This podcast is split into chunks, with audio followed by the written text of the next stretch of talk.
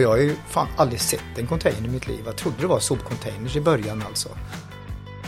Så han eh, gled ner i stolen där och lutade sig tillbaka och så säger Christer att det är Linus här, han, han, han har kommit hit och säger att han vill köpa Scanfreight.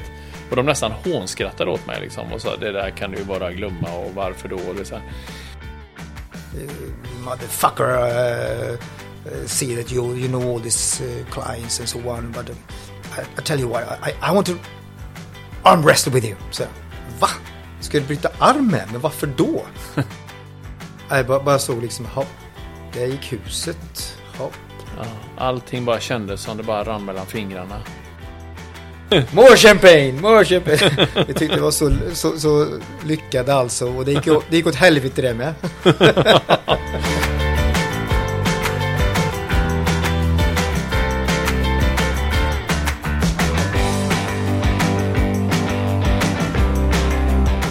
Hej hej och välkommen till podden Containers and Entertainers. En podd om logistik med hjärtat i samlastning. Linus Alm och eh, Peter Nike är med oss som vanligt. Eh, och jag som ska leda och moderera det här heter Gunnar Österreich. Um, alltså har ni, sett, har ni sett den här t-shirten jag har på mig? Då? Va? Ja, Svårt att undvika. undvika. Det är svårt att undvika den. en stor ja. ekorre. ja. Den psykedeliska Det är ekorren. lite så jag säger. Ja. Vet ni varför jag har den idag?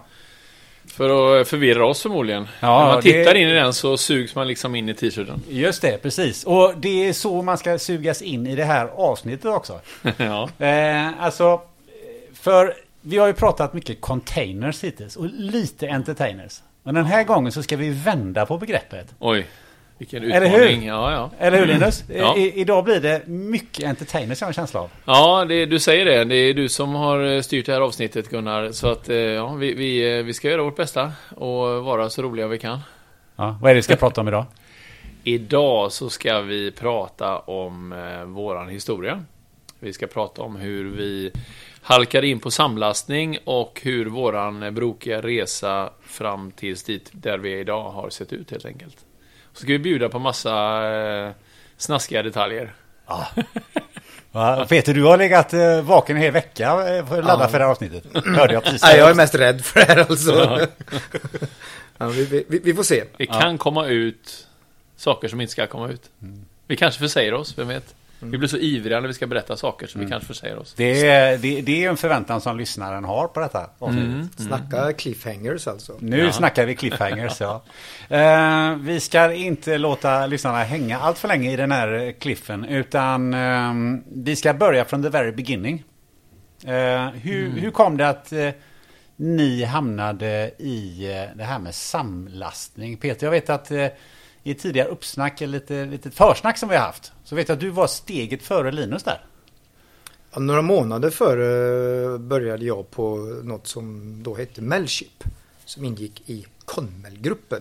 Som då vill man ju säga var lite dashigt, var det inte det? Ja, väldigt jo. väldigt, väldigt eh, framgångsrik grupp. Ja, det var det. De som varit med ett tag känner ju till den. Jag vet inte när den gick i graven, Conmel-gruppen, men det är väl en... eh, Ja, jag vet inte. 20 år sedan eller något kanske? 10? Nej, Nej, 15, tio. 15 år sedan Ja. kanske gick i graven. Ja, nej men det, det var ju en stor transportkoncern som, eh, som eh, ägde en massa olika bolag. Jag tror faktiskt hela koncernen var 47 bolag eller någonting i världen. Eh, Och ägde ju då bland annat Conterm som var eh, den uppstickaren bland samlastarna på den tiden. Men hur, hur halkade den in där överhuvudtaget? Eh, ja, eh, det kan jag berätta att jag från, kom från Värmland då. Eh, från Värmland. Och eh, sökte jobb hejvilt i Göteborg och gärna något ekonomi bank. Kontor. Där, där var jag, den nivån var det. Eh, fick jobb. Inte svetsjobb som du hade i Kristinehamn. Exakt, exakt. Nu var det faktiskt Så var svarvare. det. var Ja, svarvare var det, jävlar. Jävla skillnad alltså. Ja, ja, I alla fall så, så fick jag jobb på Melship. Eh, på ekonomiavdelningen. Och var där i tre månader. Och eh, en dag blev jag inkallad in i ett eh, rum av vdn, personalchefen och min ekonomichef. Som då har sänkt ner, det var helt mörkt i rummet. Det var en stol i mitten och det var en spotlight på den och det fick jag sätta mig. Och de tre personer som skulle prata med satt alltså i mörkret så jag såg inte, såg bara konturen av dem. Och de, och de eh, började så här att ja, Peter tycker att det, det går. Och jag blev görnervös. liksom. Shit, nu får jag sparken. Vad fan har jag gjort? Jo, jag tycker det är ganska bra. Ja, eh, Lea, vad tycker du? Ja, de pratade lite. Och, och, bara för att göra mig nervös. Och så kläckte de fram vad det var de ville, eh, ville med det. Då. Att de ville flytta mig från ekonomin till exportavdelningen. Och, och, och jaha, okej. Okay. Ja, det kan jag väl. Eh, vad är det för någonting liksom? Då, då var det containerfartyg och evergreens jag jobbar med. Och jag har ju fan aldrig sett en container i mitt liv. Jag trodde det var sopcontainers i början alltså. Så att, eh, ja, nej det var, det var en... Eh, så de lurar mig in på, på det jobbet där. Lurar de lika mycket, Linus? Eh, inte riktigt, men det var lite så, eh, så anställningarna gick till på den tiden. Eh, för jag var med om någon liknande skräckjagande upplevelse. Sådär, men eh, men det, det hade inte funkat enligt LAS idag. Hade man nej. Så. nej, men nej, jag, när jag sökte, jag sökte ju bara jobb i Göteborg. Jag sökte två jobb i Göteborg för jag kom ju från Trollhättan då. Var det svetsning? Nej, nej, nej, jag sökte två jobb. Det ena var trainee på Melchip och det andra var säljare på Estrella.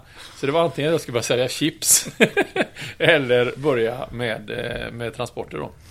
Eh, och likadant som Peter, jag hade inte en aning om den här branschen. Alltså jag, jag förstod ingenting. Jag trodde faktiskt också att det var sopcontainers man höll på med när jag sökte det jobbet. Så att, eh, ja, då, då var kunskapsnivån extremt låg när vi kastade in det. Detta är 87, 88 då. Mm. Mm. Uh, och vad, vad hände sen?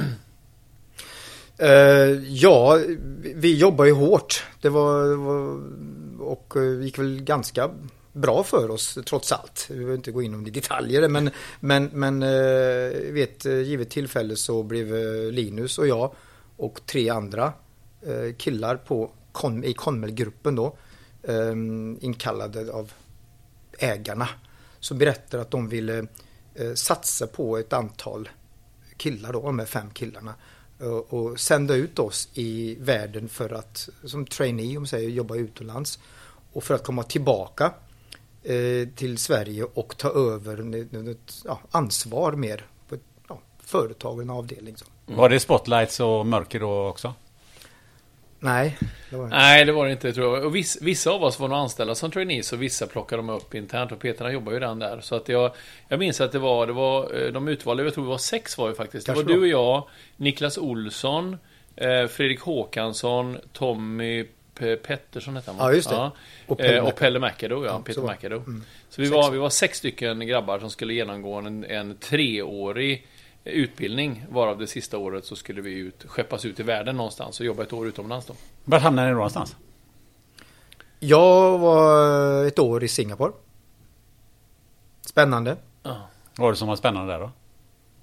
Allt kan jag säga. Men det var ganska fel i mitt huvud för jag såg framför mig, du vet, eh, eh, djungel, skog uh, vilda tigrar och jag på en motorcykel och omkring där och... Och, och sälja styckgods. Lite så. Jag trodde verkligen det. Så när, och när flygplanet kom in så det jag in över Singapore. Jag ser alla skyskrapor och allting bara What the fuck är det här liksom? Det var hy hypermodernt var det ju där för en annan från Värmland då liksom. Så, nej men skämt åsido, det, det, var, det var jättespännande.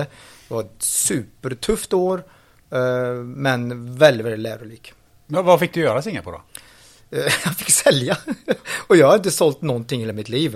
Eh, men de, de satt mig vid ett bord och så gav de mig liksom eh, eh tusen sales leads.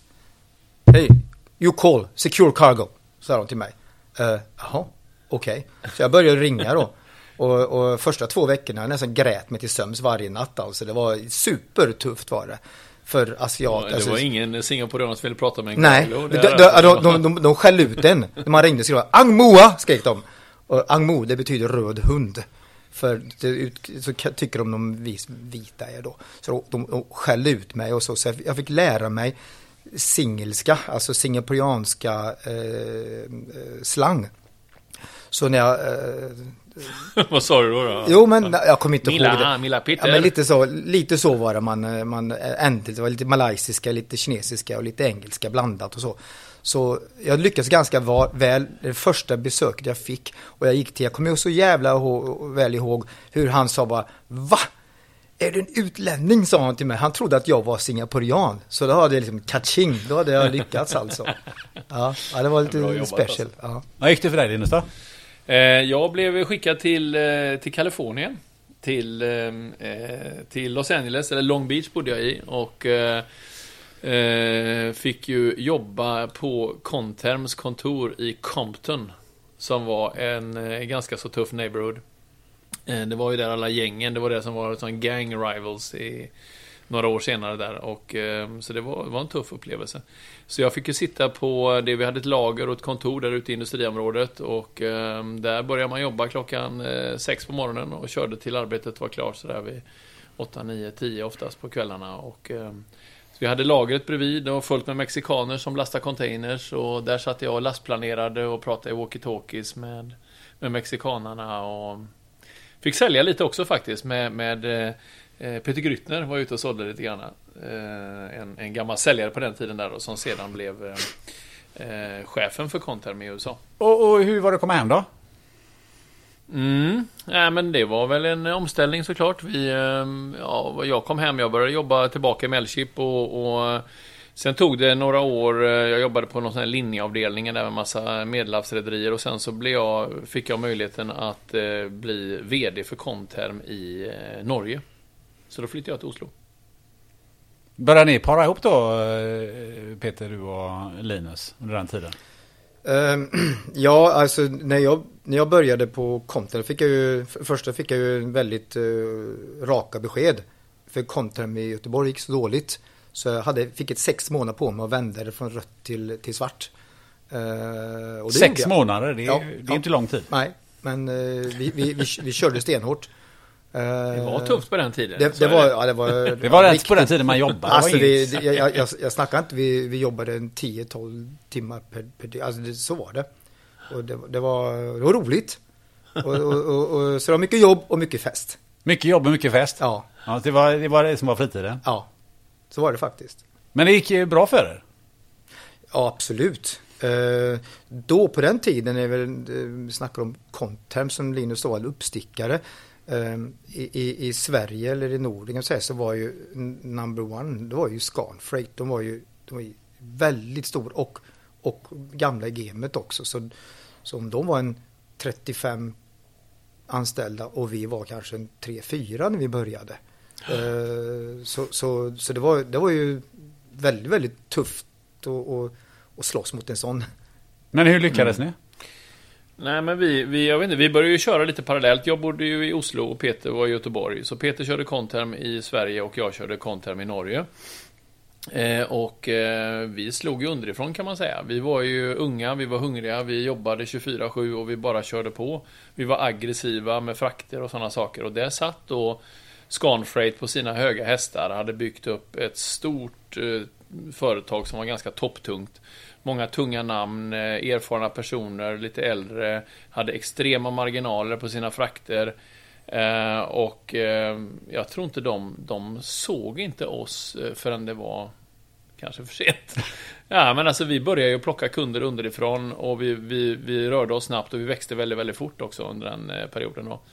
Ehm, så att ja, vi körde ett antal år där och det gick med rasande fart. eh, Men, men, var, men var det bara sänkta marginaler som gjorde att ni eh, lyckades? Nej, det var det väl inte. Vi, vi var ju innovativa på alla plan. Vi kom med nya idéer och så vidare. Och ehm, ja, herregud, alltså vi, eh, vi förenklade samlastningen eh, och gjorde enklare tariffer, enklare inrikessystem, enklare, allting var enklare. Medan deras sätt att arbeta var väldigt tungrot och topptungt och, och det gick långsamt helt enkelt. Sen att de sitter med, med marginaler som vi aldrig hört talas om därefter eh, gjorde ju inte saken svårare. Vi var ju en mindre organisation, vi hade inte så stora omkostnader. Så vi kunde ju röra oss snabbt och vi kunde leva med mycket, mycket mindre marginaler. Helt enkelt.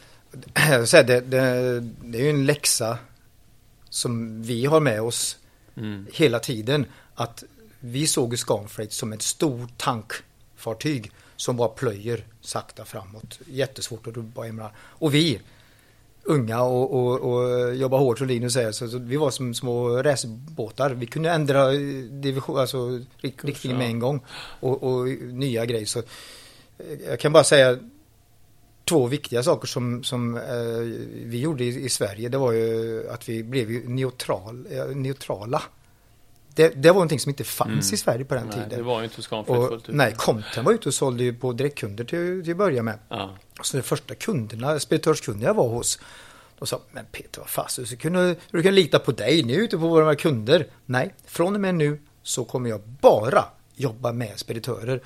Och det kan du lita på, så Och så har det varit sedan dess. Och det var 1991 var det här alltså. Så att 30 eh, år har jag gjort den här delen också. Och den andra viktiga grejen var som du nämnde Linus, var att vi startade någonting som vi, kallade, som vi kallade Trygga Rundan. Det var alltså en upphämtningssystem. Det med fasta frakter från Malmö och från Stockholm och från Karlstad till Göteborg. Det var export det handlade om till början med. Och det var, det var också en sån här, nya grejer. Det fanns mm. speditions Eh, kom, eh, eh, speditörs... Ja, just det, arvode hette ja, det. 2,5 procent på sjöfrakten. Så men vad fan ska du ha det för? Ja, men jag måste ju ha någonting. Ja, men strunt i det, du får, vi sänker frakten med 5 procent så, så slipper du söka. Så tar vi bort speditionsarvodet. Ja, ja. men så kan du inte göra. Jo, jag gjorde det nyss då. Det är sådana grejer vi gjorde så, och ja. hade stora fester som inte de andra hade kanske. Jag tänker också på några grejer som, som jag vet Scanfreight, de hade ju sina eh, tariffer med, med priser och så vidare. Men de, de hade ju, det var ganska få frakter i de här tarifferna. Mer där de stängde direktcontainers och de närmaste kringliggande städerna kanske och så vidare. Men sen så sa vi, varför kan vi inte ha en tariff som täcker 500 eller 600 destinationer i världen liksom? Och helt plötsligt så, så, så hade vi fasta vikt måttpriser till 600 destinationer. Medan de satt med 100. Och kunderna tyckte det var jättebra, för att vad de gjorde när de fick en förfrågan på en, på en destination som inte var med i den här eh, tariffen, ja, men då gjorde de ju lite extra pengar på det och som hade extra goda marginaler på det. Men det eh, struntade vi i och vi gjorde viktmåttpriser på allting. Så vi förenklade och som Peter säger, tryggar undan där. Det var ju liksom ett viktmåttpris som du bara la på sjöpriset. Innan var det ju en stafflad skala med, eh, med, med truckingpriser och sådana saker. Så att väldigt mycket handlade om att vi förenklade systemet för att hantera LCL. Och kom, kom du ihåg när vi, vi gjorde allt det här, la det i en perm. Ja, det. det. var liksom dåtidens... Med eh, innehållsförteckning. Ja, du fattar. Det var, alltså, det var frakter, det var ju ja. och, och, regler och hur, hur saker och ting beräknas och allting sånt där. Mm. Det var, mm. var ju revolutionerande var det. fråga om allting. Alltså, man, man ringde och frågade om allting. Och sa så men det är bättre, vi sätter in det i permen istället, så har du det där. Så när man tittar i din perm, oj, där var informationen. Vad enkelt. Så nästa gång så ringde de inte. Och så har det varit lite grann genom alla år, att vi har hittat nya effektiva lösningar som har förenklat samlastningen. Men hur, hur, hur såg IT-systemen ut eh, på den tiden? Gjorde ni någonting åt det också? Ja, det, det, det, är klart att det, det kom ju då. Det, som det, det exploderade ju eh, där. Det var ju för fasen i, i slutet på 80-talet när vi började. Då hade de ju telex för fasen på kontoret. Fax var för... Vet lyssnarna vad telex är för någonting? Ja, det vet och fasen alltså. Men eh, det är knappt så jag minns det själv. Alltså, men det var några remser som kom ut där och man skulle tyda de här remserna. Men sen kom ju faxen bara några mm. år efter. Mm. Och, och, det var ju revolutionerande bara det att kunna faxa dokumenten. Innan skickade vi fan dem i ett kuvert med post och vänta i tre dagar. Du vet innan man ringde kunden för att följa upp en, en offert man har skickat över. Jag har faktiskt själv suttit vid en telexapparat och skrivit och, och skrev man en bokstav fel så fick man göra om alltihopa. Ja. För det blev liksom fel i remsan. Det var helt otroligt. Ja, ja, ja. Nej, det, så, så det, men, men datasystemen kom väl någonstans där också uh, mer och mer och mer. Det är klart vi hade ju datasystem redan när vi började, men, men de var ju ganska så torftiga. ADB-system, jag minns att det kallades. Ja. Jätte... Ja, vad fan heter Atex och Contex ja, och allt de här. Nej, det, det, det, var ju inte alls dagens, eh, alltså vad du kan göra nu. Det var ju bara en bråkdel av det du kunde göra. Men ehm, Ja, så där har ju den största delen av utvecklingen och effektiviseringen har ju varit där på IT-sidan, såklart. Men hur, hur gick det för eh, Contem och Scanfreight efter några år? Ja, vi, vi växte och växte och växte och växte och eh, Scanfreight gjorde väl likväl sämre och sämre och sämre för dem. Eh, och eh, Eh, vi, vi tänkte inte så mycket på dem egentligen. Vi bara körde vårt race och vi växte hela tiden. Sen insåg vi väl att Scanfreight, de har ju lite grann stått stilla. De har inte gjort någonting i form av utveckling, utan de hade fortfarande direktörer och chefer med dyra bilar och dyra system och en stor administration. Och, och ja, de, de var ju lite på fallrepet. Jag tror det var, var det inte, Bilspedition ägde de ett tag och sen var det väl SJ på slutet va, som ägde dem tror jag. Så, och där, under den resan där, då hade ju också eh, Conterm eh, såldes ju där också. I, Mm. eh, Det var ju det som hände först egentligen. Ja, så att eh, Conmel-gruppen sålde ju. Eh, eh, jag blev nedkallad vet jag till Conmels huvudkontor och de informerade mig om att eh, nu har vi sålt eh, Conterm eh, och ni kommer att få nya chefer och de är amerikaner. Sa de då. Hur kändes det? ja, det, Ja, det, det var inte så jobbigt i början. Det, först, det, det som var jobbigaste för mig, för jag var ju vd i Göteborg, eh, utan då fick vi en ny regionalchef som heter Linus Alm. Mm. Som flyttade ner från Oslo till Göteborg. Och, och, och han la i fingrar i precis allting. Allting, han var överallt. Och, och det hade jag mitt team, där vi var 13 pers eller något, eller kanske något liknande. Och, och, och jag har ju gjort det som jag ville ha haft det och, och gjort sjuka, roliga saker och enkla saker. Och, och så kom Linus där liksom och hade massa åsikter. Ja, mycket ja. Så, Ja, det, så, jag flyttade han, ju hemifrån från Norge till Sverige då. Så Ja. att, eh, ja. vid ett Så- tillfälle så hade vi samtal så att det, det håller inte det Linus. Att Det, det, det, du, du kan inte liksom gå in på min, av, här på min, min marknad och bara köra över det här. Så, så här är det, vi jobbar så här, bla, bla, bla, bla. Så, ja, men du måste ju förstå att jag är ju här, vi, ska ju, vi måste ju samarbeta och så. så vi delar väl upp det. Om jag gör sådana här saker så gör du de här. Okej.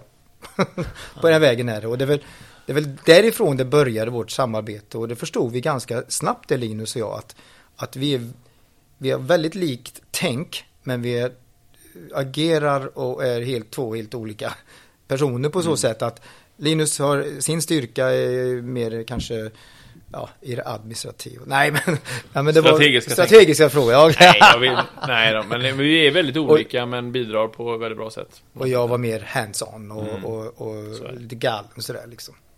Fast du var strategiskt då, för du eh, tyckte att Scanfrey kunde man ju köpa nu när de var tillräckligt... Ja, eh, ja, det är ju en lite rolig historia faktiskt. När, eh, man var ju inte så gammal då. Jag var 28, 29 år sådär kanske. Eh, och eh, vi såg hur dåligt det gick för Scanfreight. Eh, och så sa fasen, skulle vi inte, skulle vi inte se om vi kan köpa Scanfreight då? Då hade amerikanerna gått in och köpt oss redan. Nacka. Eller Nacka, amerikanen Nacka hade gått in och köpt. Det är ju, Nacka är ju, var ju en sammanslagning av på den tiden amerikanska samlastare som hette DCL, Direct Contain Line och Brennan.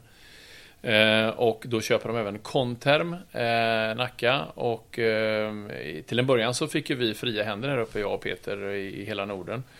Eh, och som Peter sa så blev jag då Nordenchef och sen så jobbade vi tillsammans och sen så tänkte vi på hur vi ska ta Konterm till nästa steg med de här amerikanska ägarna då. Och då sa jag, fan vi skulle köpa den här Scanfreight alltså, de är ju på fallrepet nu men de fattar ju inte det själva.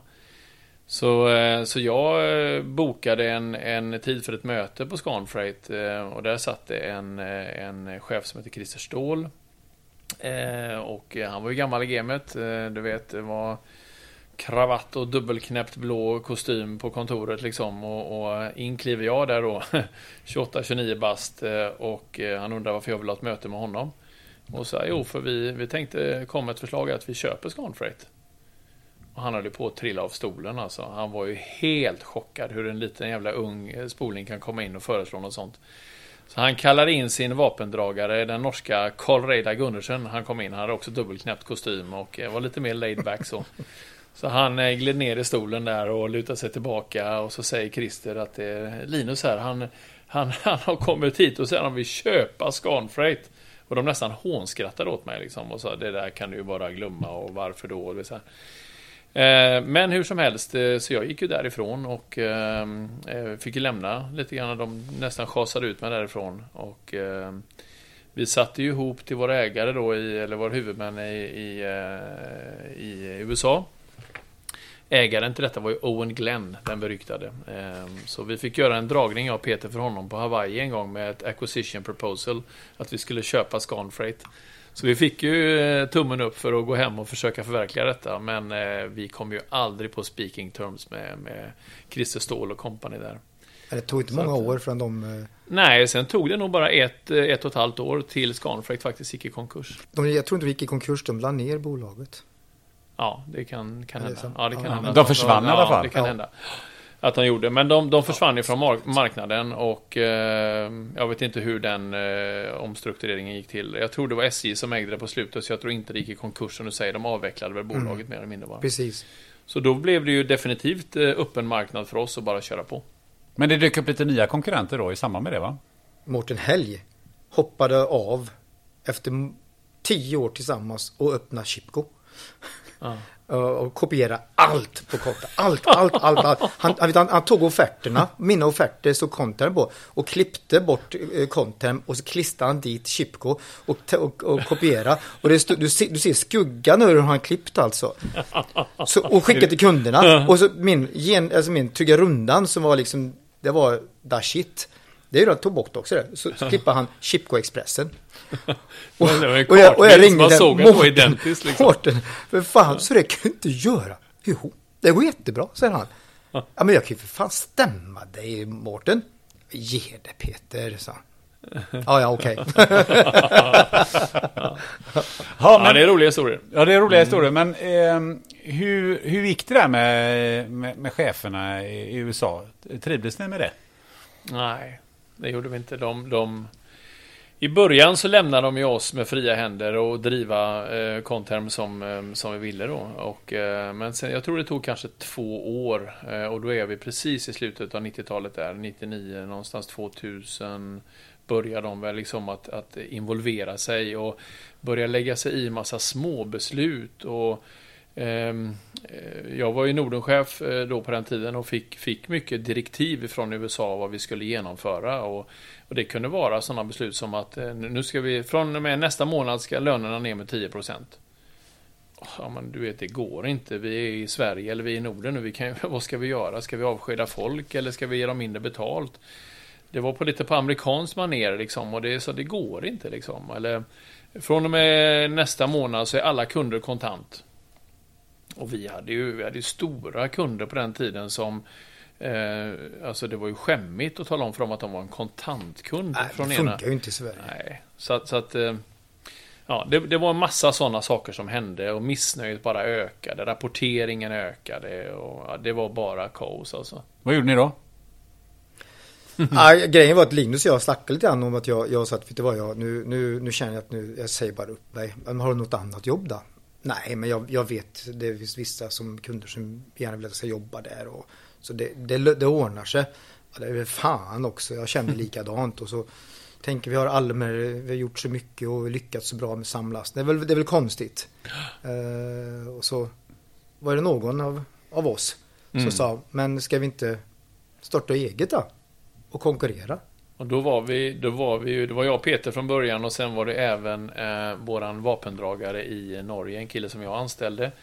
Som säljare hos mig i Norge som heter Kenneth Rese, en dansk som bodde i Norge då på den tiden. Eh, och när jag flyttade hemifrån Norge så stannade Kenneth kvar och blev eh, daglig ledare eller VD för det, den här verksamheten i Norge. Och sen hade vi då Tommy Antikainen i Finland som, eh, som jag också hade lockat över ifrån Melchip till Comterm. Så vi fyra eh, hade väl eh, tankar ihop om att fasen, det hade varit eh, nice liksom att, eh, att göra någonting på sikt då. Men var det att, så eh, tanken på Nordicon eh, föddes? Någonstans under den här perioden så föddes ju de här tankarna liksom. Och, och eh, på den tiden, just då var det kanske inte Nordicon, men just att, att driva eget ja. Eh, och ja, på något sätt använda den kunskapen som vi hade införskaffat. Men vi sa ju upp oss eh, först. Eh, Peter, eh, vi började med att Pe- Peter sa ju upp sig. Så var det. Och eh, då sa han ju upp sig till mig. Som fick informera amerikanerna om att eh, Peter, han, han, eh, han har sagt upp sig nu. Och då började amerikanerna, ah, den där Peter, he's a lousy motherfucker, eh, he's a complete useless eh, och så vidare. Började de att raljera över Peter då. Eh, men, men sen gick det ju några eh, veckor, ja, ett antal veckor gick det ju. Och, och då jobbar jag alltså vid sidan om. Jaha. Och, och startade, startade upp ja. massa. Vi, Linus och jag satt ju på kvällarna och eh, hemma hos oss i gästrummet och så har vi en eh, dator och så ska vi upp, okej. Vad, är, vad är det vi ska ha nu när vi startar upp ett företag? Ja, pengar kan ju vara bra att ha, bank, eh, försäkringsbolag kanske. Och ett kontor kanske, personal, BL, agenter, just det, och terminal. Och det, det var lista så var åt helsike den här grejen var alltså. Den här listan den växer ju också. Men innan det då så sa ju jag också upp mig. Och då sa jag ju upp mig till, eh, till amerikanerna och sa att jag säger också upp mig. Och eh, då ringer de till Peter. och säger bara, den där jävla Linus, han var ju totalt värdelös. Ja, kan, kan du, ja, ja, vill du ta hans jobb? kan inte du komma tillbaka? Eh, Så, så får du eh, Linus jobb och du är det shit liksom Peter. Linus var värdelös. Och de fattar ju inte att vi pratar med varandra. Så att... Och, och inte bara det. Liksom, vår inre kretsen i, i företagen, alltså de, våra tro, alltså de som jobbat med oss många år, de var ju också med på det här. Men någonstans så, så landade det i också i någon historia med armbrytning, Peter. Kan du, kan du, kan du ta den? Ja, Den är känslig den här frågan. Alltså. nej, nej, nej, men det, ja, ja, det, det, var, det var lite dumt. Vi, vi, eh, en kille från då Nacka, eh, Michael, som kom över och skulle Ska inte säga några namn nu. Nej, vi ska inte ha någon namn. bara, för, bara för namnet. Bara för namnet. Han, han, skulle, han skulle ordna till upp det här, alltså hur det är och prata med mig och Linus och anställa nya personer och det ena med det andra. och eh, eh, han var ju då ute och, och åt middag med, med eh, de dåvarande personerna på Comtem. Det var en chippis var det inte? Jo, de åt middag. Sen, Ja, sen gick de till Chippis. Och, och det var ju jag. Eh, och, och han, han, satt, han såg på mig hur jag sprang runt och, och, och pratade med alla kunder, alla speditörer och så liksom. Och, och han, han blev mer och mer förbannad när han såg mig liksom. Så jag sa, hej Peter, come, come, sit here. Ja, Ja, vad vill du då? Ja, you motherfucker. Uh, see that you, you know all these uh, clients and so on. But um, I, I tell you what, I, I want to arm wrestle with you. Så, va? Ska du bryta arm med mig? Varför då? ja, jag ska visa dig och jag sätter mig på plats och liksom, ja, men ge dig. Så, och upp med armen gör så, Okej, sätt på armen. En parentes är att Peter var ganska vältränad på den tiden. Alltså. Och så säger, han, säger jag till honom, okej, börja då. Jag har redan börjat, sa han. Men vad fan, så. Och bara dunkar hans arm i, i, i bordet liksom. Jag tog liksom tio gånger bara. Puff, puff, puff, puff. Han var så jävla svag. Och sen, sen, sen skulle han försöka, han försökte döda mig på vägen. Så jag var tvungen att ta honom till hotellet, han var så full. Och han försökte hoppa på mig och döda mig på vägen. Men det var, han var ju ett skämt alltså. helt, ga, helt galen. Ja, från, från armbrytning så eh, till Nordicon. Ja, Och pengar är ju någonting som är bra att ha i bolag. Och det, Ja. hade ni, det var ju någon som sponsrade med det, eller? det, ja, det var någonting vi saknade. så att eh, vi hade en bra idé, men vi hade inga pengar. Eh, så att vi, eh, vi tänkte ju så här, vi sätter ihop en bra affärsplan och så går vi till banken och så pratar vi med dem, tänkte vi. Så att vi, eh, vi gick och knackade på eh, hos Nordea i Sisjön. Eh, och där hade vi lite haft lite kontakt med en herre som heter Viglake Bolnäset. Och eh, vi kom in där och fick göra en eh, dragning för honom. Och eh, ja, vi imponerade väl lite grann på honom då. Han trodde på våran idé. Så att eh, eh, han sa ja, ni kan få låna så här mycket pengar. Det var några miljoner liksom. eh, Men ni får ju eh, ha säkerheter för detta då. Och, och ja, vi var ju tvungna att ta det vi hade. Så vi hade väl eh, hus och lite sådana här saker och radhus och, och eh, som det fanns lite låneutrymme på. Så vi, vi pantsatte i princip allting vi ägde och hade. Och fick det här lånet då. Och sen var det ju bara att, att köra på helt enkelt då. Eh, och då startade vi upp eh, firman och det var jag och Peter och eh, i början var vi tre personer till va? Eh, vi var fem när vi började helt och hållet va? Ja, Så att, ehm, och precis i den här vevan då när vi ska starta så behöver vi någonstans att sitta också. Vi behövde ju något kontor och ehm, eh, Eh, då kontaktar en eh, person som vi kände innan som jobbade i ett annat speditionsbolag oss och sa så här, jag har en bra lösning för er. Ni kan få köpa Nordkarrier. Nej, sa vi det. Och då hade de redan tagit ut den här eh, bilsidan, utan det var bara i princip en terminal som låg under Nordkarrier AB. Nej, så jag, det, det tror jag inte vi ska blanda oss i det. Liksom. Ja, men ni behöver ju en terminal, ni behöver någonstans att sitta. Ja, och så tittade vi lite grann på det här bolaget och det såg ju inte bra ut i siffrorna där. Liksom. Det var ett underskott och förbrukat egenkapital och aktiekapital i bolaget och sådär. Men, men då slängde han in där, men vi ställer upp i det så det kommer se fint ut bolaget. Och, och ja. Så vi i alla fall, vi, vi tog över det här bolaget. Eh, och inte bara det så.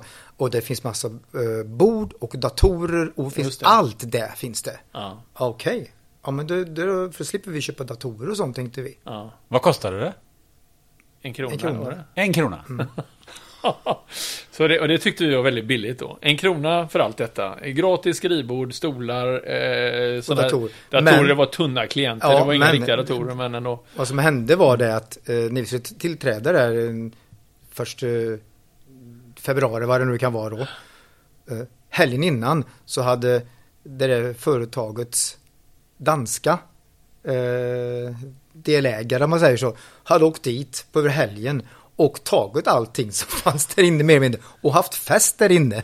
Så när vi kommer dit på söndag för att göra ordning, vi ska ju starta upp eh, Nordicom på måndagen, så såg det ut som Ja, det, det, det, det, kaos det, det var kaos där alltså. Ja. Och datorer, alltså det, det, var ju inte städat nej. och det var alltså vi, ja, vi ja. fick ju en chock när vi kom dit i alla ja. fall. Men det var tillräckligt för oss att ha en plats att börja dra igång allting. Och i tillägg till det så hade vi en hel terminal på, vad var den, 3000 kvadratmeter mm. och mm. ett tiotal anställda ja. personer på terminalen. Men de var ju bra. Så att, men det var ju två bolag då, Nordcarrier AB och Nordicon AB. Så vi hade det från början. Eh, och i den här affären då, när vi köper bolaget för en krona, var ju också ett löfte och en garanti i avtalet om att de skulle lägga en massa last på den här terminalen. Som gjorde att vi kunde drifta den och få runt den med den här personalen som var där. Eh, men det infriades ju aldrig. Eh, det här bolaget, eh, några månader senare så såldes det här speditionsbolaget till en annat stort svenskt eh, speditionsbolag. Och de hade ju noll intresse av att leva upp till det här avtalet, med att de skulle lägga sin last på vår terminal. Så att vi, vi, vi kämpade ju med Nordcarrier i typ 8-9 månader tror jag. Ja, det var vi jobbade dagen att vi gjorde allt vi kunde för att få det att bära sig. Men eh, de infriade inte sin del av avtalet och vi hade som val att gå till rätten med det i sådana fall. Och det hade blivit en lång utdragen process som vi kanske hade vunnit fem år senare. Men...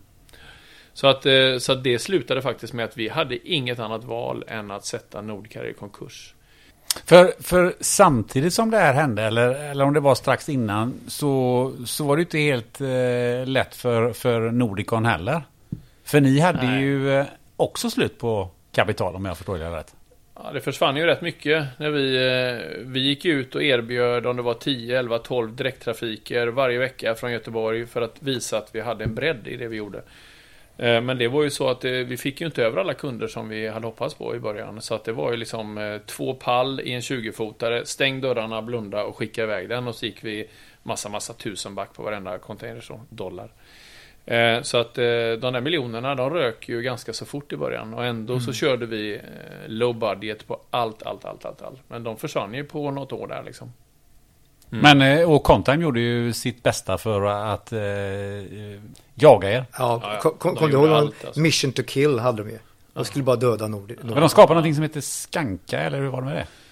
Ja, då gick, ju, då gick ju eh, Conterm och eh, Eculine eh, tillsammans och ska, skapade bolaget Skanka. Flyttade ihop personalen, flyttade ihop i, i Conterms gamla kontor satt de och eh, deras mission var ju att döda Nordicon liksom. Det var det, var det som, eh, och det var ju väldigt nära att de lyckades med det också. De eh, de klarade av att behålla kunderna. Vi slet som, som bara den för att försöka få över dem eh, till oss. Men, eh, men det gick inte så lätt som vi trodde faktiskt. Det var motigt första året. Ja, det gick... Så, eh, ja, det var, det var väldigt, väldigt, väldigt nära att vi att Nordicon gick i konkurs efter ett år. Så jag, jag kommer framförallt ihåg en episod när jag och Peter hade varit nere i Skåne och sålt och på vägen hem, vilket jag vill minnas var då en fredag, och eh, våran ekonomichef eh, ringer på mobilen där och säger att eh, det här ser inget bra ut alltså. Det här, vi kommer inte klara oss längre. Eh, allt kapital är slut. Eh, nästa månads löner ser kärvt ut liksom. Vi kommer inte fixa det. Eh, och eh, så att jag, jag ser ingen utväg här, säger hon då till oss. Och jag och Peter, vi, jag vet att vi tog av i Helsingborg. Vi körde in där, parkerade bilen. Vi gick ut och satte oss på en parkbänk på torget i Helsingborg. Och jag tror vi satt i 20 minuter och bara stirrade ut över, över vattnet. Inte sa ett ord. Jag bara, bara såg liksom, hopp, där gick huset, hopp. Ja, allting bara kändes som det bara rann mellan fingrarna. Och så säger Vad ska Peter, jag göra nu då? Peter säger till mig efter 20 minuter, vad ska du göra nu? Ja, så jag, jag vet inte, så jag. Det, jag får ta anställning någonstans. Liksom. All, allting var, det var bara uppgivet sådär. Och så vi, vi vankade omkring där i Helsingborg och visste inte riktigt vad vi skulle göra. Och, eh, sen satte vi oss i bilen och sa nej, fan heller alltså. Nu ringer vi hem till våra fruar och säger att vi inte kommer hem. Och nu, nu åker vi raka vägen till eh, kontoret eh, och sätter oss och gör en ny affärsplan. Så eh, vi, vi ringde och sa nu kommer inte vi hem i helgen och vi drog till kontoret och där bodde vi under hela helgen. Gjorde en ny affärsplan. Och gick till Viglägg Boläset på Igen? Nordea på måndag med en ny affärsplan. Ja, så att eh, fan, vi är konkursfärdiga, men vi har en en jävligt bra lösning här. och, eh, Jag gick på det igen. ja. ja, fan vad vi har honom att tacka alltså för att han gick på Ja, den. ja Nej, men han, han köpte det, så vi fick väl, vi hade väl kanske lite mer eller jag vet inte hur vi fick det här nya lånet, men en ny refinansiering i alla fall. Och tillbaka och eh, drog igång eh, maskineriet igen eh, efter det. Och eh, sen tror jag inte det tog mer än några månader så var det precis som att vända på handen så här. Helt plötsligt så börjar kunderna bara att komma över till oss. Det bara rasa in kunder. Och anledningen var väl vad Skanka Ek- gjorde. Ja, alltså att Ecu och Contin gick ihop och de valde att köra Ecu-systemet. Så att, och det, och det, alltså de, de fick sådana problem i uppstarten. Ett IT-system. Ja, precis. Ja, I deras IT-system. Och det fick sådana otroliga problem så att det gick inte att boka med dem och, och, och, och fick inga pri, alltså det var kaos. Mm. Och så en dag började på och bara och nörringa hos oss alltså. Det, det, och då är som sagt, då, då öppnas eh, dörrarna totalt. Mm. Och, och det, det, var, det var punkten från, från botten på vägen upp om man säger så. Mm. Ja, och jag tror vi landade en, alltså lätt en kund i veckan, eller flera kunder i veckan. Ja, liksom. ja. Det bara rasslade till. Och helt plötsligt så började vi anställa folk. Och eh, det är klart att vi plockade några från Skanka ytterligare. Och, och jag vet att de körde upp de hade ju ett 10-15-tal belgare Ja. som de körde upp som bodde på hotell här uppe och som satt och jobbade. Och då var ju eh, ja, Bosse Svensson var där och Erik Forsberg var där och ja, det var Man- ett, ett, ett gäng med personer från, från branschen som jag kände som, som, som satt på Skanka då. Eh, och där, där var vänd, vändpunkten för oss, helt klart. Hur hade det gått om eh, de hade haft ett superbra IT-system? Ja, jag vet, det är Då hade nog Linus gått och sålt chips nu tror jag. Ja, då hade jag tagit jobbet på Estrella. Eller, och då hade jag blivit svarvare igen. Eh, Jag måste bara inflika där när ni, när ni nämner Nordcarrier-kontoret. Ja. För, för där har jag varit en gång, eh, det var, jag tror att det var innan ni kom in i det här. Eh, Och då var, fanns det en chef som hette Kent Krok. Jajamän. Och, och det, jag måste säga så här, jag har under min yrkeskarriär varit, jag vet inte hur många hundra, säkert tusen företag som jag har besökt. Och det här är nog det äckligaste kontoret jag har varit på i hela mitt liv. Jag har aldrig sett en askkopp. Och den var stor, Nej. så full med fimpar. Du, du tänker i hans rum tänker du? Ja, Där Ja. satt jag. I hans kontor satt jag med de här jävla träväggarna där inne. Ja. Som var så inrökt. Och den här jävla heltäckningsmattan där inne, den luktade aber alltså. Där inne satt jag och jobbade. Men jag måste bara fråga innan vi går vidare. När ni hamnar i den här situationen, man hur, hur fan mår man? Alltså det, det var ju, alltså det, det var inte bara det till, det där var, det där var det slutet om man säger. Det har ju varit x antal eh, veckor där, där vi har mått dåligt innan för att, för att vi inte, vi kom inte runt. Det var frustrer, vi var frustrerade, vi var ledsna, vi var eh, arga, vi var kampsynda vi- och ändå fick man ju ta i den här, nu ska vi fixa, så varenda, väldigt många söndagar vi satt och hade möten du och jag på kontoret, liksom, okej, och nu gör vi så här, den här veckan gör vi så här. Och så gör vi så här, och så nästa vecka, det gick inte det, då, då tar vi nästa typ. Vi tog nya tag hela tiden. Men där i Helsingborg var det, liksom, var det, ju, att göra. det var ju fruktansvärt alltså. Men, men ja, nej, men någonstans finns, finns ju en, en vilja hos oss att och, och driva framåt helt enkelt. Alltså. Det där var väl nära att eh, hus och hem rök också? Jajamän. Precis, det var det verkligen. Hus och hem och allting. Ja, det, det Hur förklarar man för, det, för, för de som, som bor där Man tillsammans säger- med man en? säger, man säger inget. nej, man säger fan ingenting. det är livsfarligt. nej då, nej så illa var det inte. Men, men man, man, man kan ju inte dela med sig av alla de här detaljerna som händer. Utan du går ju och bär på väldigt mycket inombords. För du kan ju inte belasta din familj med alla de problemen hela, hela, hela tiden. Eh, utan eh, jag tror nästan att min största ventil var nog, eller vår största ventil var varandra. Så att eh, Peter fick stötta mig när jag var nere och jag honom när han var nere. Och eh, förhoppningsvis var en stark. Sen fick ni rättat upp eh, Nordicon då. Och ehm, då kom det lite nya affärsmöjligheter med någonting som heter NTN. Vad var det för någonting Linus? Mm. Det var, det var eh, kontakter som jag hade eh, skaffat mig när jag bodde i Norge. Eh, så hade jag träffat eh, eh, Jarle Dale och Kjetil Åbe. Hade jag träffat och där hade det hänt en del på den sidan. De hade eh, Ketils pappa grundade eh, Birger Ekerholt-gruppen och utifrån det sen så Eh, Så var han på någon resa, han tog över bolaget efter sin far och sen så köpte de upp ett antal bolag i Norge och växte så det knakade under många år. Så det, det var ju en ganska så etablerad koncern som hette NTN, Norwegian Transport Network. Eh, och eh, Kjetil kontaktade mig och hörde att vi hade dragit igång Nordicon och han var väldigt sugen på det här med samlastning. Och eh, så slängde han, när vi hade drivit bolaget i, jag vet inte, två, tre år eller något sånt där kanske det var. Eh, så säger han, eh, du ska ni inte sälja några procent av bolaget till mig eller till NTN-gruppen? Ja, sa vi, det var, var kanske inte vad vi hade i planerna, men det landade i alla fall i att vi gjorde det. Så jag tror vi sålde typ 10% av aktierna Eh, till NTN-gruppen. Så de blev delägare. eh, Och eh, vi fick väl en ganska schysst värdering där och tyckte det var spännande och, och ha dem som part i detta då. Att de kanske kunde ge oss en massa spin-offer tänkte vi och sådär. Så vi gjorde i alla fall det och eh, sen eh, så gick det något år och sådär. Så du eh, kan ju få köpa lite mer aktier i, i, i, eh, i Nordicon. Ehm, så det sa ja, kan vi fundera på och sådär. Så det slutade med att vi sålde lite mer aktier i Nordicon. Och den tredje gången, eh, då säger Kjetil att eh, titta här nu vilka storslagna planer vi har i NTN-gruppen. Vill inte ni vara med på den resan? Vi gör så här att vi köper hela Nordicon och så blir ni istället delägare i NTN-gruppen.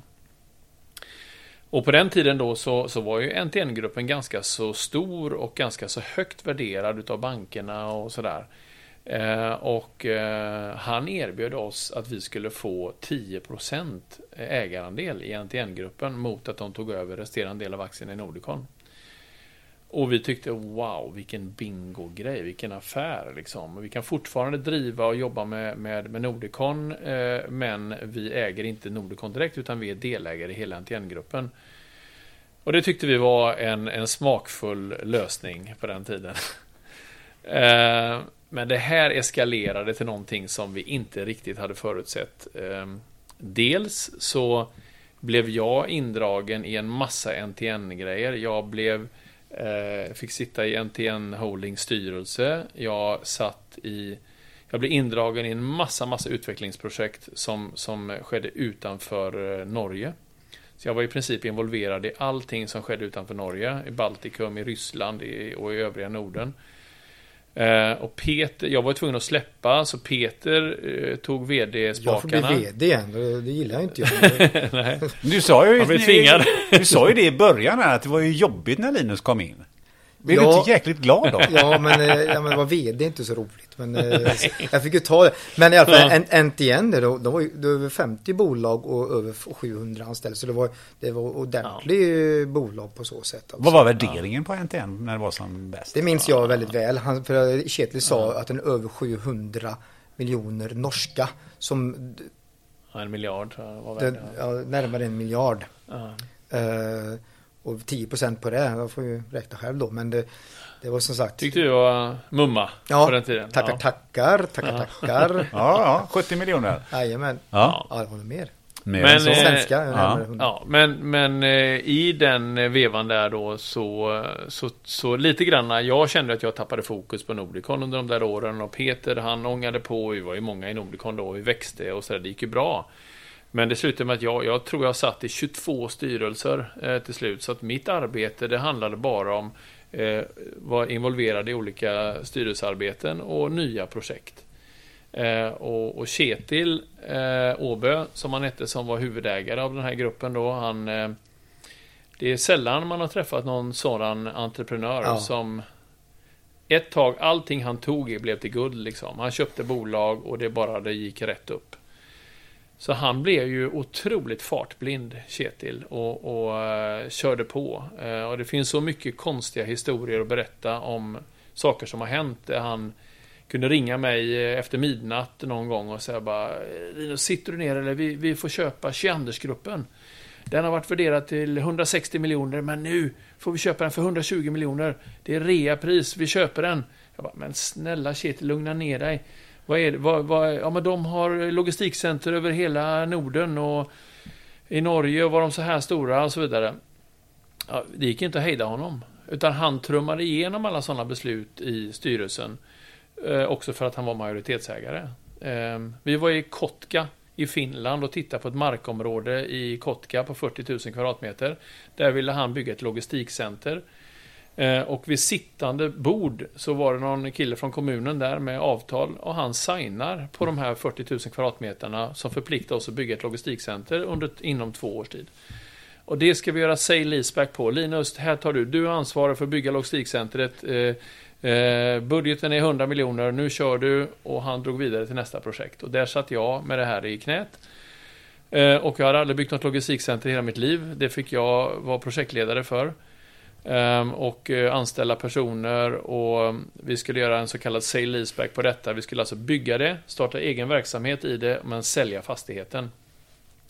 Och ehm, jag minns så väl att eh, eh, innan jag hade förberett allting, innan maskinerna skulle rulla in och börja förarbeta marken och sådana saker och byggprojektet skulle starta, så frågade jag Kjetil, har du signat avtalet med någon som ska köpa fastigheten i Norge? För det var ett fastighetsbolag.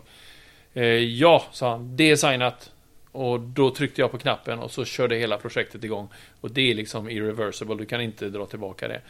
I stort sett. Så vi startade hela byggprojektet, men Kjetil hade inte sålt fastigheten.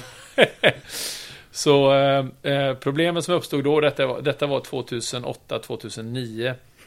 Och eh, precis alltså när den finansiella kraschen kom. Eh, och eh, i den här vevan så var vi i full gång att bygga logistikcenter i Kotka. Eh, som, som var då budgeterat till 115 miljoner och vi skulle sälja det för 150 eller 160 miljoner. Eh, och Kjetil han var helt uppe i detta eh, men eh, köparna drog sig ur. Och där satt vi med ett logistikcenter. Vi hade inte ens någon verksamhet i den utan det gapade tomt till slut. Så att eh, i, eh, med andan i halsen så fick vi sålt det här logistikcentret eh, för, och vi gick väl break-even eller med en liten vinst på det ändå.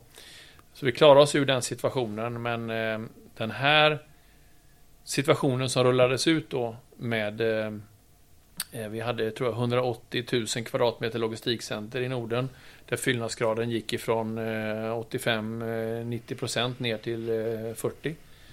Innan vi kommer till det här att det gick åt pipan, för det är också en intressant historia. Men jag, jag vet att någonstans har ni hintat med att det finns en historia i Dubai också. Där ni var nere och cruisade. Oj. Ja, just det. Med någonting som heter Eh, Ottmäll tror jag va? Ja, det stämmer. Ja, det är ju en separat eh, historia det också. Vi fick en möjlighet att köpa in oss eh, i, under den här resan. Jag kommer inte ens ihåg vilket år det var Peter, men 2006 ungefär. tror jag. Ja, 2006 kanske. Fick vi en möjlighet att köpa in oss i ett etablerat bolag i Dubai som heter Otmel. Och syftet med att vi köpte in oss där och köpte vi 40% av det bolaget, det var att vi skulle utveckla samlastning i eh, Mellanöstern. Då. Eh, Så då eh, tänkte vi så här, vi tar en av oss, eh, vi var ju fyra grundare eh, till Nordicon, och vi tar en av oss, vilket då var Kenneth Rese. Så skickar vi han och hans familj till Dubai. Eh, och hans ungar skulle ha privatskola och det var nannies och det var chaufförer och det var det ena med det andra. Så han var ganska dyr i drift, Kenneth. och så sa vi, ja men du får ett år på dig och liksom visa lite grann vad, eh, att vi får igång samlastningen där nere. Alltså, Men- en, en, en, om att en, en nav skulle de vara i Dubai och det han skulle göra. Ja. Men inte fan vad han gjorde men inte jobbade i alla fall. Ja, ja, ja. nej. Man, ska inte kanske döma honom för hårt. Nej, nej urs- ursäkta Kenneth. Nej, jag tror Kenneth jobbade hårt. Men, Ja. men, men jag tror att förutsättningarna för att lyckas var ju nästan obefintliga faktiskt med facit i hand. Vi hade en VD för det bolaget där nere som eh, en kille som heter Late Mutvalli. Han eh, kan man säga motarbetade nog Kenneth Mm. ganska så Mm, hårt. det var inte lätt. Så. Eh, och, och Kenneth fick aldrig inblick i bolaget och vad som hände där nere. Han var ju halvarab och eh, gjorde sina wheels and deals där nere. Så att eh, det var svårt att få kontroll på detta och inblick i detta. Eh, så att vi, eh, vi, eh, ja det där blir ingen lyckad historia kan man säga. Men vi hade ju roligt ändå. Det Ja, det hade- jag, jag, jag minns när vi, när, när Kenneth han kunde ju allt om Dubai ungefär. Så kommer vi dit och så nu ska vi gå och bada på ett bra ställe. Så här, och, och jag minns att vi går i flop, flipflops med badkläderna i plastpåsar in till Hilton Jumeirah. Som är, alltså det är sån, alltså det, det är inte femstjärnigt utan det är sjustjärnigt eh, lyxhotell. Det står bara Rolls Royce utanför, det är bling bling. Och där kommer vi som kusiner från la- landet och ska in och bada. Och jag vet inte hur vi lyckades så köpa in oss, alltså betala oss in där. Ja, men, vi, men vi satt, det var bara vi på den där jäkla stranden framför det där hotellet med det där seglet där. Ja. Många drinkar senare. Ja, satt vi där och bara sitter till More champagne, more champagne. Vi tyckte det var så, så, så lyckade alltså och det gick, det gick åt helvete det med. Och bara motgångar, men vi har haft kul på vägen i alla fall. Ja, det har varit champagne på vägen. Ja. Men, men det, när det var som, som värst där eh, i den här finanskrisen och NTN, då var det inte så mycket champagne vad jag har förstått. Nej. Nej, det var, det var inga bananer. Vi skämtar om det ibland. För det kom in ett sånt här eh, externt konsultbolag som heter Credo som skulle rensa upp i NTN-gruppen. Och då var det till och med nedskärningar på bananerna Ja, på kontoret. no bananas, no, No bananas. bananas. Fan, dum i. Ta bort frukten till personalen. Nej, glöm det. Vi, vi, vi körde på. Men det ska jag säga att av de här 55 bolagen som var egentligen då Nordicon gick ju fortfarande väldigt bra. Ja. Vi, vi, vi var ju de som höll upp det här alltså. Ja, och några andra bolag i Norge det, det, också det, gick- gick sant. Det är inte bara alltså. det. Men, Nej. men det gick väldigt bra för oss. Alltså, så att vi, det, det, det, det syntes ju inte på vårt kontor eller utåt. Någonting, Nej, nej. Hur, hur NTN, för det hette ju Nordicon fortfarande alltså. Så att, eh, men men ehm, ja, eh, när skeppet sjönk så fick vi möjligheter att köpa loss Mm. vårt bolag. Och det var ju det var ett surt och biter det äpplet. För vi har ju precis kommit på fötter igen. Och sen så måste vi Mm. gå in och låna mer, mer pengar hos Nordea. Men, men de här, eh, Niklas, 10, de, här, de här 10 procenten i NTN, de var inte värda jättemycket. Ingenting. Nej. Så från eh, det att de var värda, vad du nu sa tidigare då, ungefär, eller vi trodde det, eh, så var det ingenting värt. Det var noll. Borta. Så vi tappade hela den, eh, den eh, eh, som vi trodde, den, den eh, investeringen eller det värdet. Eh, och helt plötsligt så var eh, NTN-gruppen inte värt ett skit. Och det var mera skulder än vad det var tillgångar i bolaget och banken gick in och tog över ihop med Credo och de skulle bara stycka upp hela den koncernen och sälja ut den till någon som ville köpa. De väl valda delar, alltså de goda, fina bolagen eh, ville man sälja ut då. Och eh, alla som satt i styrelsen i NTN var väl ute och fiskade för vem kan tänkas köpa, för det var ju en del riktigt fina bolag i den här gruppen då. Eh, och eh, jag vet vid något tillfälle så kastade jag ut en krok till Finn Staberg som finanschef i gröna gruppen. Eh, och vi hade en lunch och jag presenterade detta som en möjlighet. Eh, så att jag öppnade den dörren där för att det blev samtal mellan NTN eh, och Credo, banken. Kjetil var med på ett hörn där också och Gröna gruppen. Då. Och hela den, för att göra en lång historia kort, kort så slutade ju detta med att Gröna gruppen köpte alla de friska bolagen. Ehm, och i den processen då så hade ju vi som tur var en förköpsklausul, en first refusal. Så att vi räckte upp handen i detta och sa så här, app, app, app, app, app, vi köper Nordicon. Men hade vi några pengar att köpa Nordicon för? Ehm, så att vi, Viglake. Eh, för tredje gången så var det Viglake. så vi kontaktade Nordea igen eh, och eh, sa att nu har det här inträffat. Men som tur var så var ju Nordicon ett väldigt väl fungerande bolag som gjorde bra vinster. Och, så det var ett fint bolag.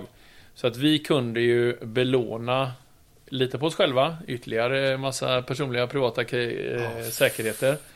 Men framförallt på företaget då, så att de tog företaget som säkerhet. Så att banken ägde Nordicon under ett tag där.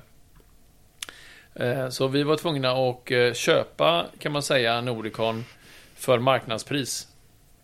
Och det var? Det var mycket pengar.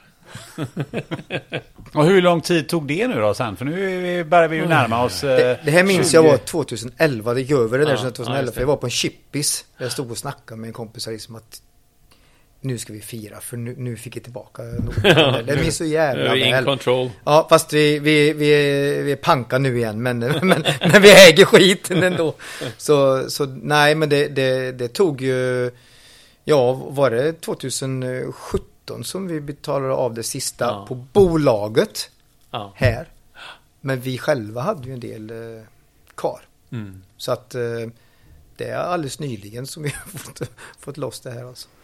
Ja, eller nyligen som vi är på, det är några år sedan, sen vi, ja. sen vi var på så att säga, Grönkvist när vi hade betalat av de skulderna som vi hade belånat upp för att kunna lösa ut eh, bolaget. Då. Så det har varit en, en brokig resa eh, under de här åren kan man säga. Jag, tycker, jag kommer tillbaka lite grann till det här. Eh, hur, hur kunde ni eh, hålla ihop på det sättet? Ni har ju själva varit inne lite grann, ni kompletterar varandra, men det, man måste ju utsättas för för väldiga prövningar i, i sådana här lägen. Hur, hur, hur, hur funkar det? Ja, ja, nej det är svårt. Det... det första som jag kommer att tänka på är att vi båda är jävligt prestigelösa. Jag och Peter när det gäller de sakerna. Eh, och det, det tror jag, det, det, blir... Vi har ju fan inte, vi har inte, vi har egentligen inte bråkat du och jag på 30, över 30 år. Nej. Vi har aldrig, vi har aldrig varit ovänner liksom. Vi har aldrig... Det är klart att vi har haft meningsskiljaktigheter och, och jag springer på och vill framåt, uppåt och Peter säger stopp, tänk på det här liksom. Ehm, men, det, men det är så att vi, alltså vi, vi har ju, igen som jag sa från början, att vi, vi, har, vi har samma mål i sikte.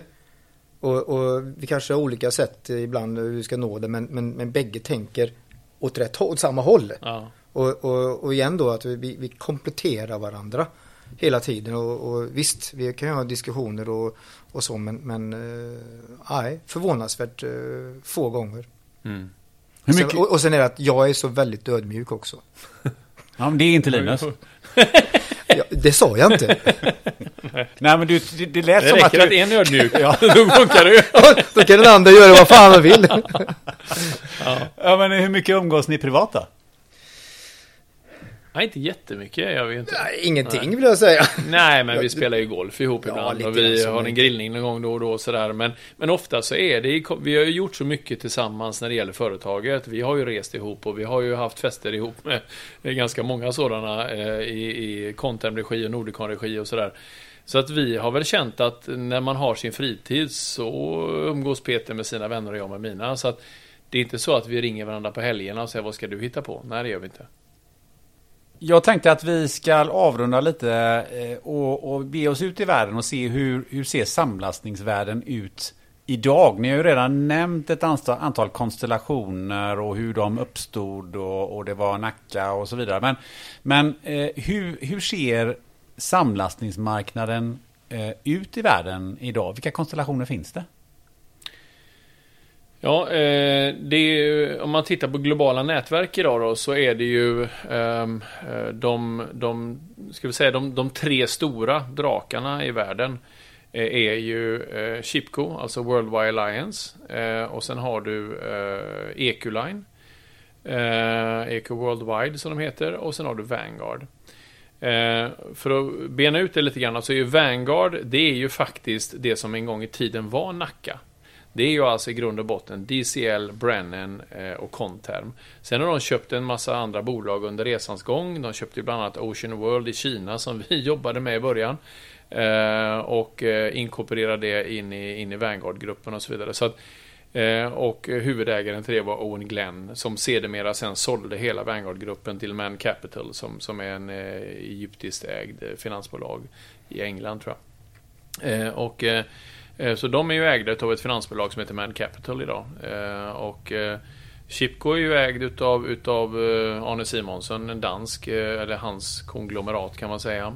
Chipco-gruppen då inom Scan Group. och sen har vi då Eculine som är indisk ägda idag utav All Cargo. Och alla de här tre grupperna de är ju väldigt, väldigt stora och dominerande på den globala samlastningsarenan kan man säga då.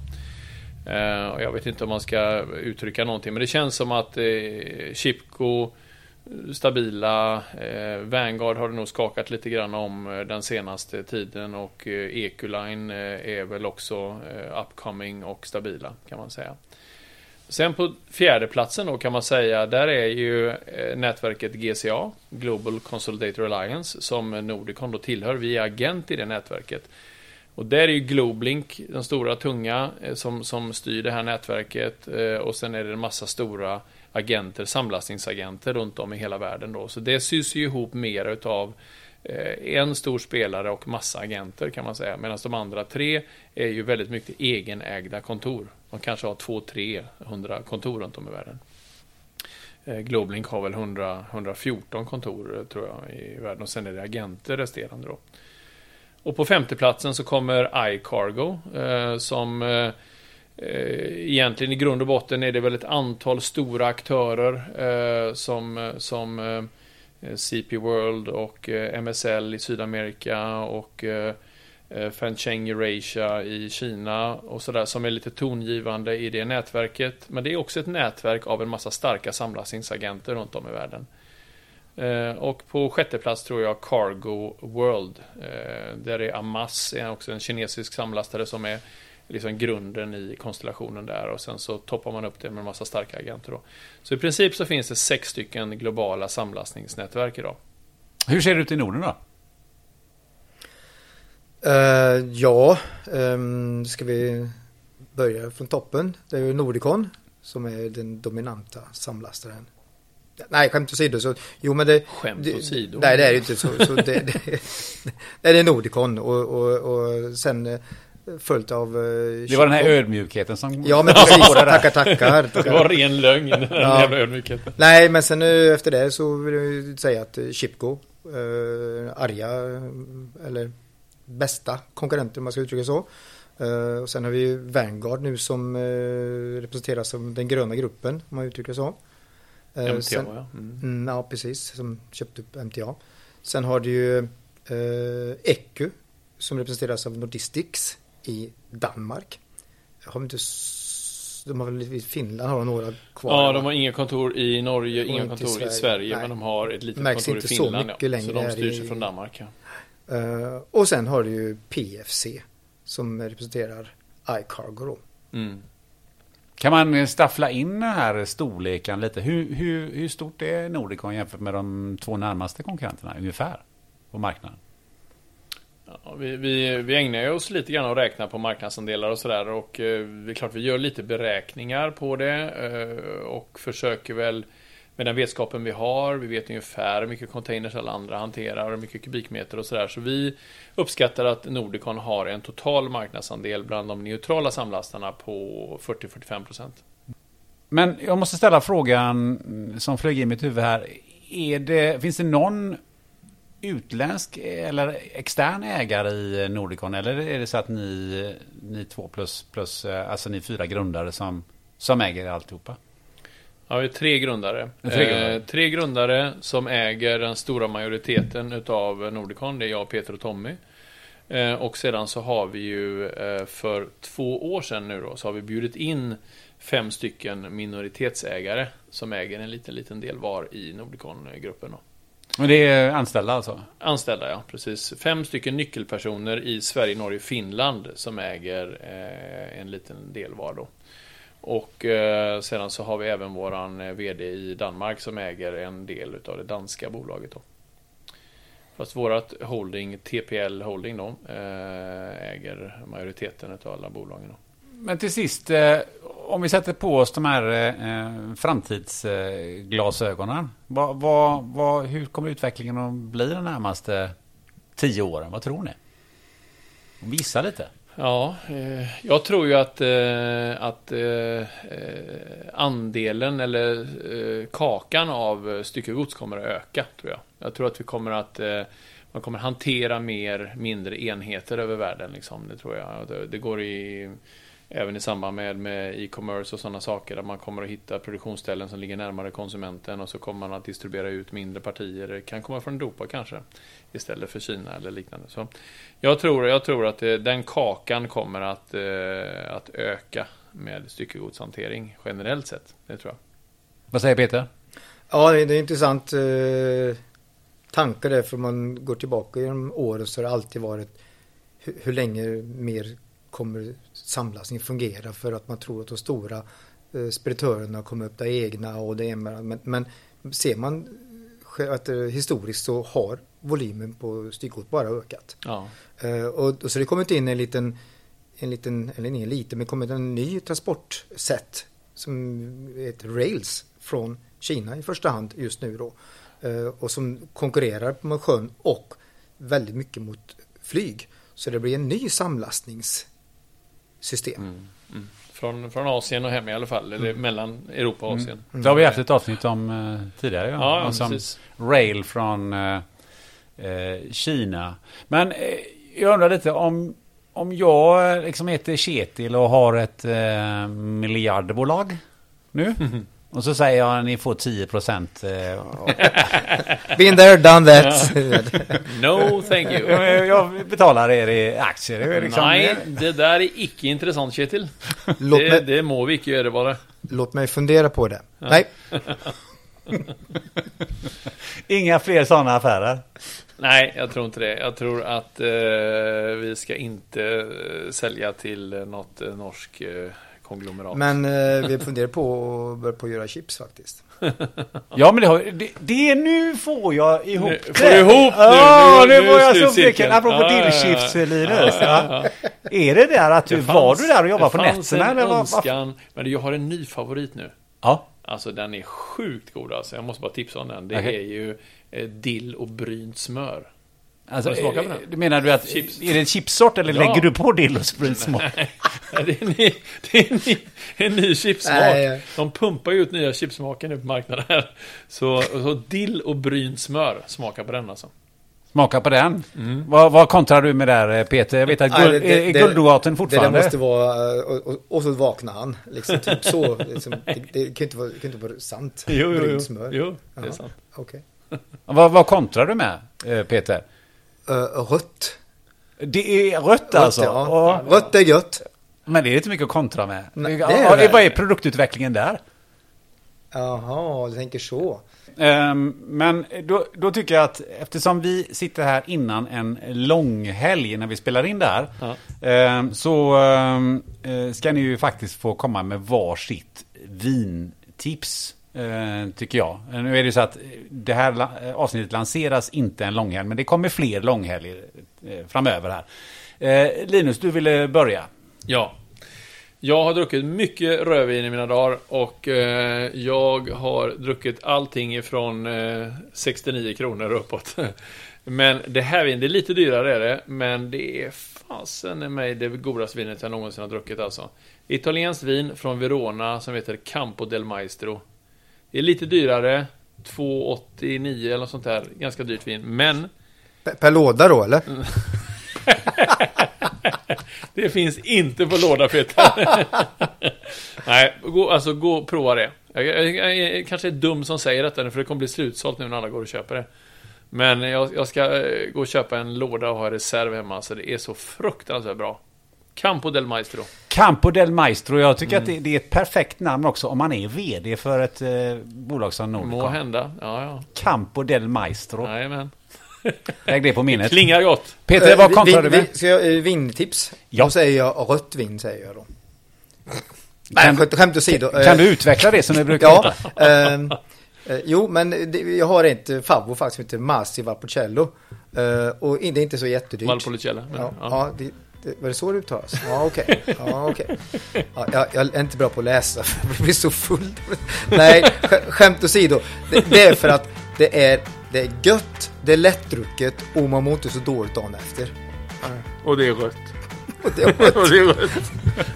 Ha två fantastiska, bra, alltså. ja, två fantastiska eh, tips eh, från eh, Peter och eh, Linus får ju eh, avrunda det här eh, lite mer personliga och mer entertainer-avsnitt än vad vi haft tidigare. Hoppas ni har gillat det här.